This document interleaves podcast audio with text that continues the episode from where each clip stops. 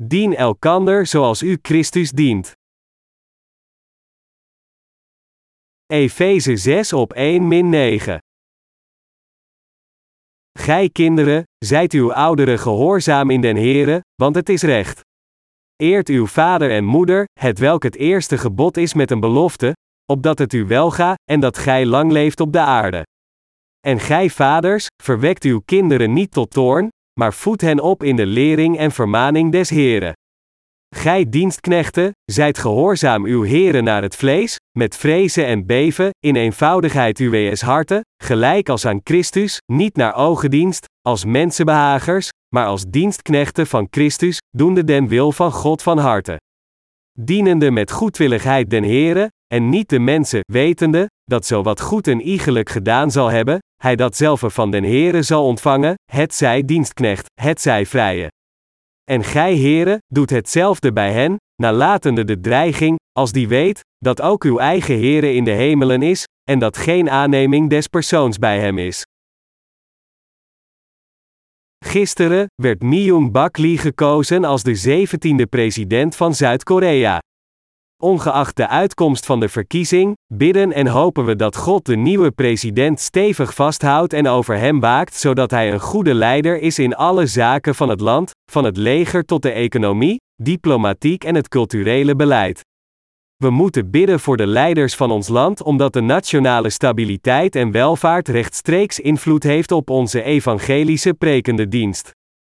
Eerder zagen we in Efeziërs hoofdstuk 5 hoe de apostel Paulus elk getrouwd koppel ferma aan elkaar te dienen, en we hebben geleerd dat de geestelijke betekenis van deze vermaning is dat Gods kerk zich aan Christus moet onderwerpen. De geschrifte passage van vandaag komt uit Efeze 6 op 1 min 9, en Paulus zegt hier in vers 1 tot en met 3, Gij kinderen, zijt uw ouderen gehoorzaam in den Here, want dat is recht. Eer uw vader en moeder, het welk het eerste gebod is met een belofte, opdat het u welga, en dat gij lang leeft op de aarde. Deze passage impliceert dat nog een vader nog een moeder zijn of haar eigen kinderen zou misleiden op een dwaalspoor.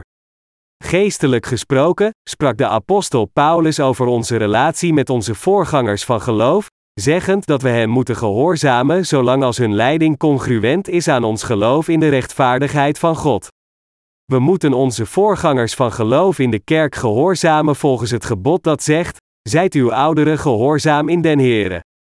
Als we onze voorgangers van geloof ongehoorzaam zouden zijn in plaats van hen te gehoorzamen, dan zouden we tegen de rechtvaardigheid van God in ongehoorzaamheid staan. Paulus zei in de geschrifte passage van vandaag dat het juist van ons is onze ouders in de Heer te eren. Geestelijk gesproken, betekent dit dat wij onze voorvaderen van geloof moeten volgen, ons leidend en van hen lerend. Als we gehoorzamen en leren van onze voorgangers van geloof ons leidend in Gods kerk, dan zullen we op deze aarde gedijen. Het is juist van ons om onze ouders van geloof, die geloven in de rechtvaardigheid van de Heer, te volgen. Als uw vader en moeder in Gods rechtvaardigheid geloven en Hem gehoorzamen, dan is het juist van u uw ouders te gehoorzamen. Zolang als uw ouders in de rechtvaardigheid van God geloven, dan is het juist van ons hun leiding te volgen. Dus, als uw ouders rechtvaardig zijn, dan moet u geloven dat het Gods wil is dat u met hart en ziel gehoorzaam bent aan hen en hun leiding volgt, en u moet dien overeenkomstig wandelen. U moet erop vertrouwen dat dit is hoe Christus u leidt. De Heer zei dat u dan op deze aarde zult floreren en dat voor al het andere gezorgd zal worden. Er is geen geestelijke ouder die wil dat een van zijn kinderen verdwaalt. Verre van alle geestelijke ouders leiden hun kinderen zodat zij allen zullen gedijen. Echter, ouders die niet zijn wedergeboren kunnen geen goede geestelijke leiding aan Gods kinderen geven. Dit is omdat ondanks dat zij zorgen voor het aardse welzijn van hun kinderen, maar als het aankomt op geestelijke zaken, zij hen feitelijk naar de weg van de vernietiging leiden. Dat is waarom de apostel Paulus ons vertelde onze ouders in de Heer te gehoorzamen. Dit betekent dat onze gehoorzaamheid aan onze ouders afhankelijk is of hun leiding congruent is aan ons geloof in de rechtvaardigheid van God. Hoewel we allemaal onze ouders moeten eren, moeten we hen niet onvoorwaardelijk gehoorzamen, want als we dit doen zonder aandacht te schenken aan de rechtvaardigheid van God, dan zullen we verdwalen op de weg naar vernietiging en uiteindelijk in Satans dienaren veranderen. Daarom, het juiste ding dat we moeten doen is de rechtvaardigheid van de Heer in eenheid met onze geestelijke ouders en voorgangers van geloof te dienen. Aan de Koreaanse westkust is een tijdje geleden een olietanker op een kraanschip gebotst, enorme hoeveelheden ruwe olie kwamen daardoor in zee terecht. Talloze vrijwilligers zijn nog steeds hard aan het werk om de olie die zich langs de kustlijn had verspreid op te ruimen. De schade aan het milieu is zo ernstig dat het twijfelachtig is of het zich ooit weer herstellen kan worden, zelfs na vele jaren. Ondanks dat er vandaag een nieuwe president werd verkozen in Korea, er is nog steeds een president die nu nog dient. Hoewel het termijn van de huidige president afloopt, moet hij het commando over deze crisis nemen en zijn ministers instructies geven om de juiste maatregelen te nemen om deze crisis zo snel als mogelijk aan te pakken. En de leden van het kabinet moet snel handelen volgens de instructies van de president. Hetzelfde principe geldt voor Gods kerk. Als alle leden van de kerk de opdrachten van hun geestelijk leiders zouden gehoorzamen als het bevel van Christus, dan zou elk probleem gemakkelijk worden opgelost. Maar zou er gebeuren als deze commandostructuur gebroken werd? Dan zou de kerk veel moeilijkheden aanschouwen bij al haar inspanningen. Wij allen die in Gods kerk verblijven zijn de soldaten van Christus.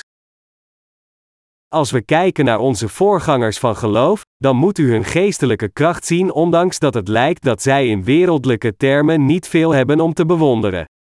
Het is voor u heel belangrijk de goede kant van uw voorgangers van geloof te zien en mild te zijn met hun zwakheden in de liefde van Christus. Zolang als uw kerkleiders mensen van Christus zijn en zij u opdrachten geven het evangelie van het water en de geest te dienen, moet u deze instructies gehoorzamen als de eigen instructies van de Heer. Het is uw eigen zegening uw voorgangers van geloof te gehoorzamen alsof u Christus zou gehoorzamen. Dit is het juiste ding om te doen. Het probleem is echter dat er weinig mensen zo denken en dienovereenkomstig met geloof leven. Er zijn niet veel heiligen die hun voorgangers van geloof als hun rechtmatige geestelijke leiders behandelen. De meeste mensen benaderen hen in vleeselijke termen eerder dan in geestelijke termen, hen als niet anders beschouwend dan iemand anders. Als ik met u omga, dan kan ik niet onbeleefd zijn tegen u omdat ik u als godsdienaren behandel. Het is waar dat ik u soms berisp en u richting stuur, zelfs als dit uw gevoelens kwetst en uw hart pijn doet, maar ik doe dit alleen in het belang van Gods werk om u op het juiste pad te leiden. Ik heb nooit enige persoonlijke vijandigheid tegen u gehad of de wens uw leven moeilijker te maken. Het is voor mij gewoon ondenkbaar dat ik probeer u op welke manier dan ook te domineren. Voor de voorgangers van geloof is het hun plicht diegene te voeden van wie het geloof nog steeds jong is, zodat deze volgelingen ook in staat zijn de rechtvaardigheid van de Heer te dienen. Dit is het juiste ding om te doen voor elke kerkleider. We prediken het evangelie van het water en de geest nu over heel de wereld.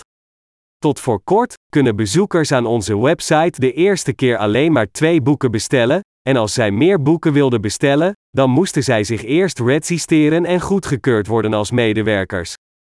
Maar nu hebben we besloten deze beperking op te heffen en staan we alle bezoekers met een geldig adres toe zoveel boeken te bestellen als ze willen.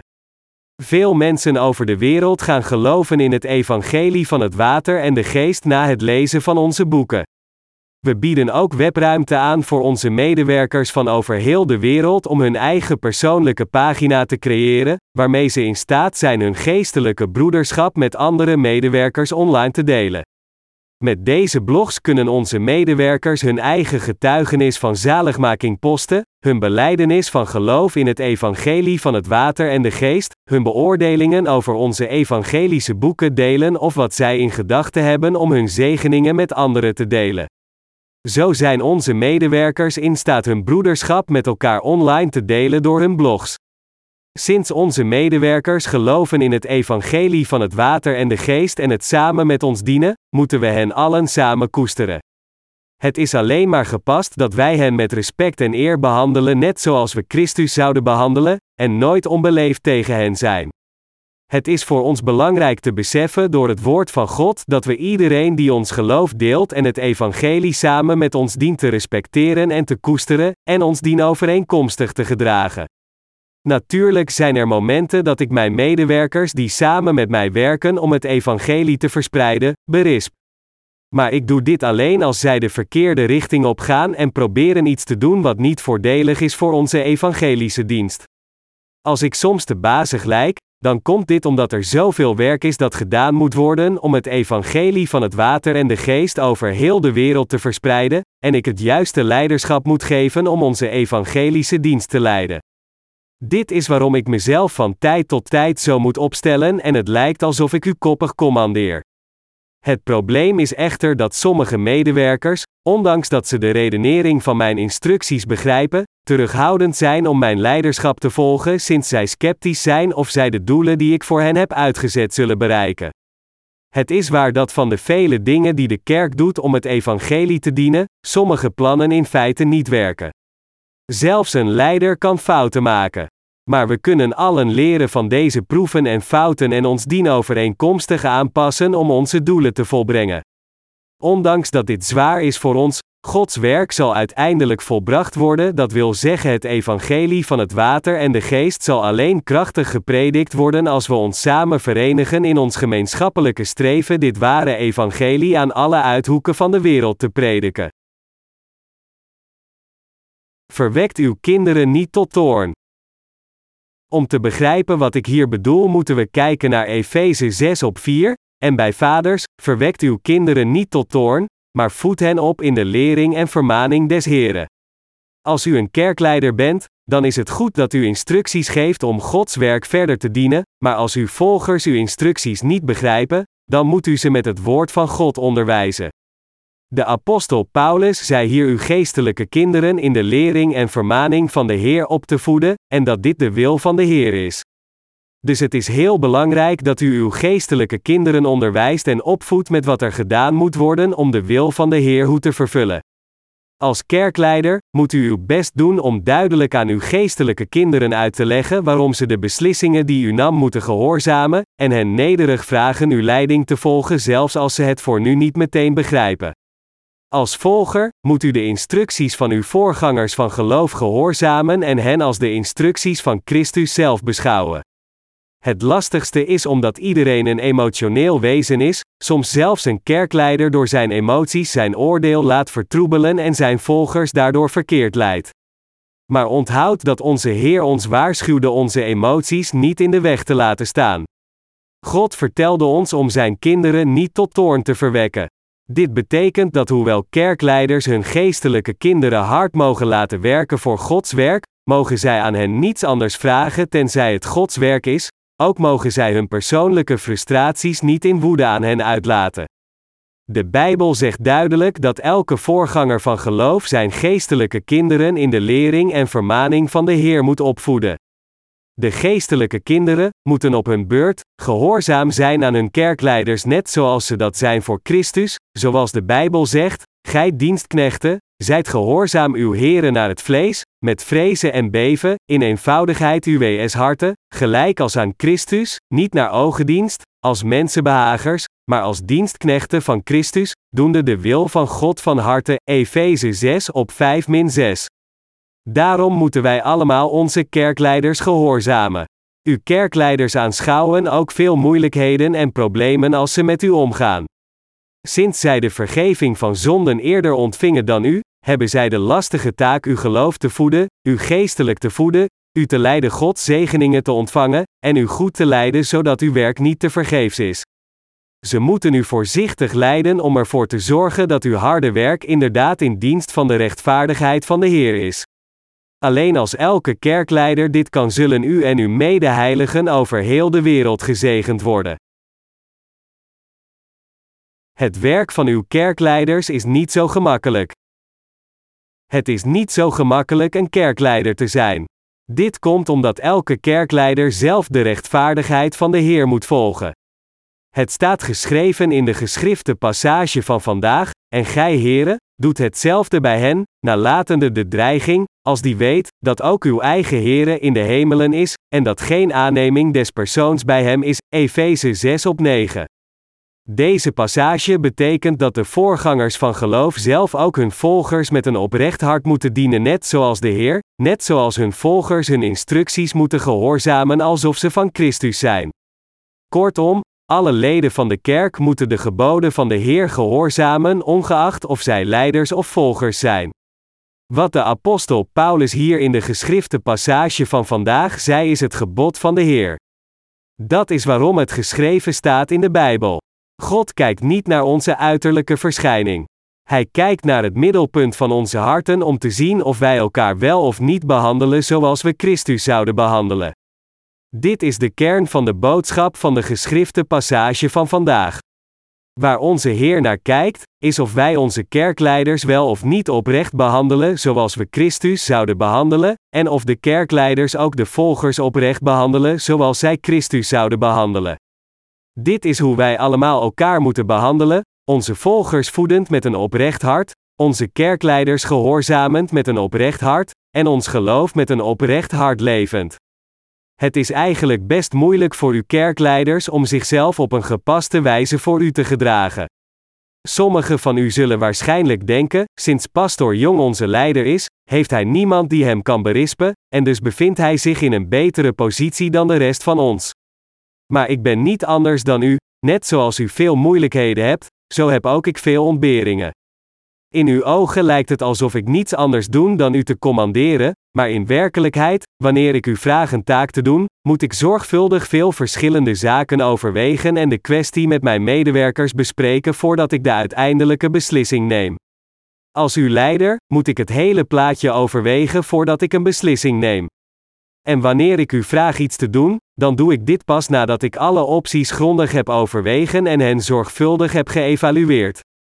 Dus vermaan ik u alleen dit te beseffen en uw leiders en volgers te dienen zoals u Christus zou dienen door op de rechtvaardigheid van God te vertrouwen. Dit is wat wij allemaal moeten doen. Alleen dan kunnen we echt samen verenigd zijn, de Heer trouw dienen en samenwerken om te slagen in onze evangelische missie. Als we de kerkorde laten afbreken, en onder deze omstandigheden zouden werken zonder onze voorgangers van geloof te respecteren of onze volgers te koesteren, dan zou al ons werk te vergeef zijn. Wij groeien shiitake paddenstoelen bij ons leerling trainingskampcentrum in Inje, en sinds dit de eerste keer was dat wij paddenstoelen lieten groeien, zijn we door veel beproevingen gegaan en hebben onderweg veel fouten gemaakt. Maar nu dat we veel ervaring hebben opgebouwd, zijn onze vaardigheden om paddenstoelen te laten groeien aanzienlijk gegroeid. Dus hebben we de laatste tijd van veel paddenstoelen kunnen genieten. Toen ik besloot om shiitake paddenstoelen te gaan produceren, dacht ik dat dit net veel werk zou zijn, denkend dat paddenstoelen gewoon weer opnieuw zouden groeien na de oogst. Maar ik ontdekte dat dit niet het geval is. Om shiitake paddenstoelen op regelmatige basis te kunnen oogsten, moet het hout waarom zij groeien na de oogst voor een week neergelegd worden om te rusten. Ik weet de technische details waarom dit moet gebeuren niet, maar blijkbaar is dit een vereiste stap voordat nieuwe paddenstoelen kunnen groeien. Behalve paddenstoelen, hebben we ook andere groenten die in Inje bij ons leerling trainingskampcentrum groeien. We hadden daar vroeger een behoorlijk grote boerderij, maar nu hebben we de boerderij verkleind. Maar de boerderij is nog steeds groot genoeg om genoeg oogst te produceren om gedeeld te worden met elke prediker in onze bijkerken wanneer we samenkomen in het Inje Centrum. De producten van deze boerderij zijn ons allemaal dierbaar. Groenten zijn eigenlijk niet zo duur, onze dienst kan hen voor een paar dollars kopen in elke groentewinkel. Voor 10 dollar kun je genoeg groenten kopen. Dus, als u dit overweegt, dan vragen sommigen van u zich af waarom dit voor ons zo dierbaar en belangrijk is om een halve zak groente met elk van onze predikers te delen. Maar het is mijn hart dierbaar omdat deze producten gegroeid zijn door onze handen. Hoewel onze oogst niet zo groot is om in overvloed te delen, delen we welke oogst we hebben met elke bijkerk in Korea. Natuurlijk, krijgen sommige kerken die kort bij het in je leerling trainingskampcentrum gelegen zijn, zoals de Chanchen kerk of de Sokcho kerk, een groter deel omdat zij korter bij het centrum liggen. Sinds deze kerken veel medewerkers hebben is hun deel ook veel groter. Maar we doen nog steeds ons best om al de producten met elke bijkerk te delen. De boerderij in het Inje Centrum ligt ons na aan het hart niet vanwege materiële voordelen die wij hierdoor kunnen krijgen, maar omdat we biologische producten kunnen delen die wij met onze eigen handen hebben gekweekt. Het is het delen dat belangrijk is. Ondanks dat de oogst van de shiitake paddenstoelen nog steeds relatief klein is, hebben al onze heiligen van elke bijkerk van hen al een keer kunnen genieten. Omdat wij deze paddenstoelen met toewijding en zorg hebben gekweekt, liggen ze ons nog nader aan het hart. Persoonlijk koester ik elk product dat op onze boerderij in Inje wordt geproduceerd. Natuurlijk is het Inje leerlingtrainingskampcentrum niet gewoon een boerderij, het wordt ook regelmatig gebruikt als een ontmoetingsplaats voor onze predikers en onze heiligen van over heel het land. Onze predikers hebben een dergelijke plaats nodig om van tijd tot tijd samen te komen, of het nu voor werk is of voor rust. Sommigen van u denken misschien dat we beter samen kunnen komen in de Chanchenkerk in plaats van het Inje Leerlingtrainingskampcentrum. We zouden in principe de Chanchenkerk soms als een plaats van samenkomst kunnen gebruiken. Maar het kan al de dienaren die komen van elke bijkerk in Korea niet in een keer accommoderen. Dit was misschien zo in het verleden, maar dit is niet langer uitvoerbaar nu dat ons aantal is gegroeid. We hebben een plaats nodig dat groot genoeg is om ons in al onze noden te voorzien. We hebben bijvoorbeeld een voetbalveld nodig om onze lichamen en geesten te laten ontspannen van de stress die zich heeft opgebouwd terwijl we het evangelie van het water en de geest dienen. Dat is waarom ik zoveel van het leerlingtrainingskampcentrum in Inje houd. Het is de plaats waar we allemaal samen kunnen komen en de faciliteiten kunnen delen, een plaats dat werd gebouwd door collectieve bijdrage. Dus dat is waarom het leerlingtrainingskampcentrum zo belangrijk voor me is. Sommige predikers denken dat het in je leerlingcentrum niet zo belangrijk is. Zij zien geen reden om in het centrum te investeren, zich afvragend voor wie het voordelig is. Maar het antwoord is duidelijk: wij bouwden het centrum voor niemand anders dan voor onszelf. U zult dan zeggen dat u er maar twee keer per jaar komt. Maar ongeacht hoe vaak onze heiligen en godsdienaren samenkomen in het in je centrum, we hebben het gebouwd zodat we allemaal de kans krijgen om te relaxen en te rusten. Dat we zo samen kunnen komen ligt mij na aan het hart. Wanneer er mensen naar het in je centrum komen, of zij predikers zijn of nieuwe leden die voor de eerste keer naar het evangelie komen luisteren, zijn zij niet allemaal onze familie. Laten we zeggen dat uw eigen familieleden hiernaar zouden komen om te luisteren naar het evangelie van het water en de geest, maar we zouden de evangelische klas in een vervallen barak moeten geven omdat we geen fatsoenlijk gebouw hebben. Wie zou daar naar binnen gaan om naar het evangelie van het water en de geest te luisteren? In begin jaren 90, toen we de evangelische klas in een broeikas gaven bedekt met enkel vinyl, zelfs in hartje winter, kwamen de mensen luisteren naar het woord en sliepen er goed ondanks de kou. Maar tegenwoordig zou er niemand meer komen als we dit zouden doen. Dus hebben we goede faciliteiten nodig in het in je leerling trainingskampcentrum om iedereen te voorzien met goede accommodaties. Dat is waarom het in je centrum zo belangrijk is. En dat is waarom we zoveel van onze harten eraan hebben toegewijd. Wat we ook doen, we moeten onze harten erin leggen alsof we de Heer dienen.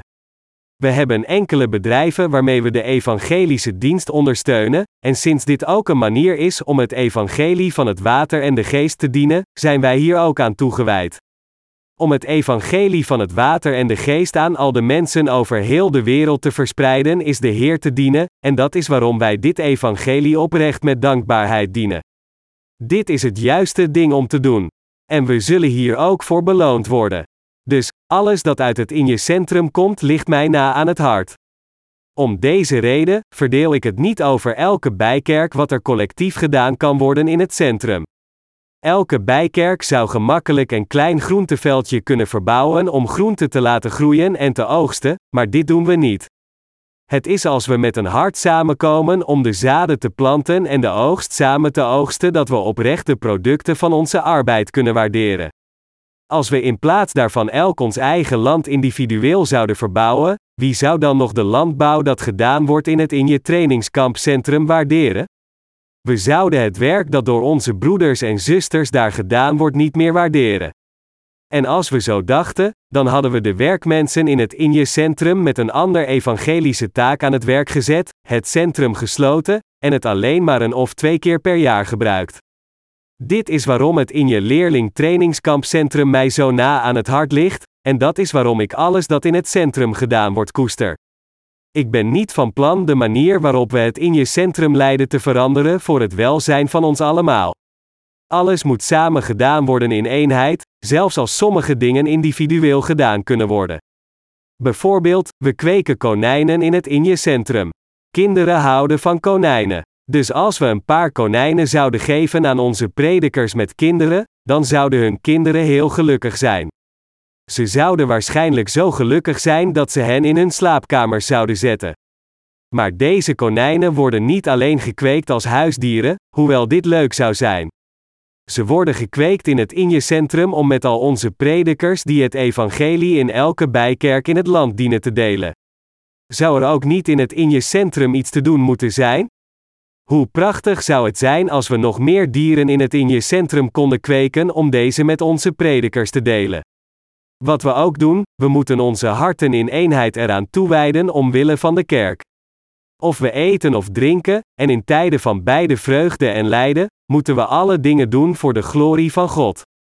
Dit is het juiste ding om te doen. En dit is wat de apostel Paulus ons leert in Efeze hoofdstuk 6. Als u een volger bent, dan moet u uw kerkleiders gehoorzamen zoals u Christus zou gehoorzamen door op God te vertrouwen. Als u een leider bent, dan moet u uw volgers in nederigheid leiden, zodat hun geloof zal groeien en zij gezegend worden in beide lichaam en ziel. Dit is hoe al de heiligen in de kerk elkaar moeten behandelen. Alleen wanneer iedereen van ons dit doet, kan de kerk samen groeien als het lichaam van Christus. Dit is wat de apostel Paulus ons probeert te leren in Efeze hoofdstuk 5 en 6 door de relatie tussen een man en een vrouw te gebruiken, ouders en kinderen, slaven en meesters om te illustreren en zijn boodschap aan iedereen in de kerk uit te leggen. Dus moeten we in deze leerstelling van het woord geloven en het volgen. We moeten terugkijken en onszelf onderzoeken om te kijken of we niet te grof zijn geweest tegen onze volgers en hun gevoelens zo erg hebben gekwetst dat zij niet in staat zijn hun leven van geloof te leven. Elke kerkleider heeft de plicht zijn volgers te voeden met de juiste leerstellingen van het woord en hen met liefde te behandelen. Als kerkleider moet u uw volgers laten weten dat u met heel uw hart van hen houdt, en hen helpen te beseffen dat de enige reden waarom u hen berispt is omdat hun geesten zullen vergaan als u hen met rust zou laten. En als volger moet u uw voorgangers van geloof met een gewillig hart gehoorzamen. U zult hier voordeel van hebben, en de wil van de Heer zal ook worden vervuld. Wat zou er gebeuren als een kerkleider te imposant was voor zijn volgers? Sommige broeders en zusters vinden het moeilijk om mij te benaderen. Ik denk dat ze bang voor me zijn. Maar er is niets om bang voor te zijn. Als u bang voor me bent, hoe kunt u mij dan ooit volgen als uw leider? U moet genoeg vertrouwen en geloof hebben in uw kerkleiders. Ondanks dat zij soms overkomen als te imposant, zij houden van u met heel hun hart, en doen hun best u te begrijpen, ze bidden onvermoeibaar voor u en zij werken dag en nacht om u op de juiste weg te behouden zodat uw werk nooit te vergeefs was. Dus u moet uw kerkleiders vertrouwen zelfs als u hun instructies in het begin niet volledig begrijpt. Alleen als u uw geestelijke leiders gehoorzaamt kunt u Gods werk uitvoeren. Ik hoop en bid dat God u allemaal tot dergelijke vertrouwende heiligen zal maken.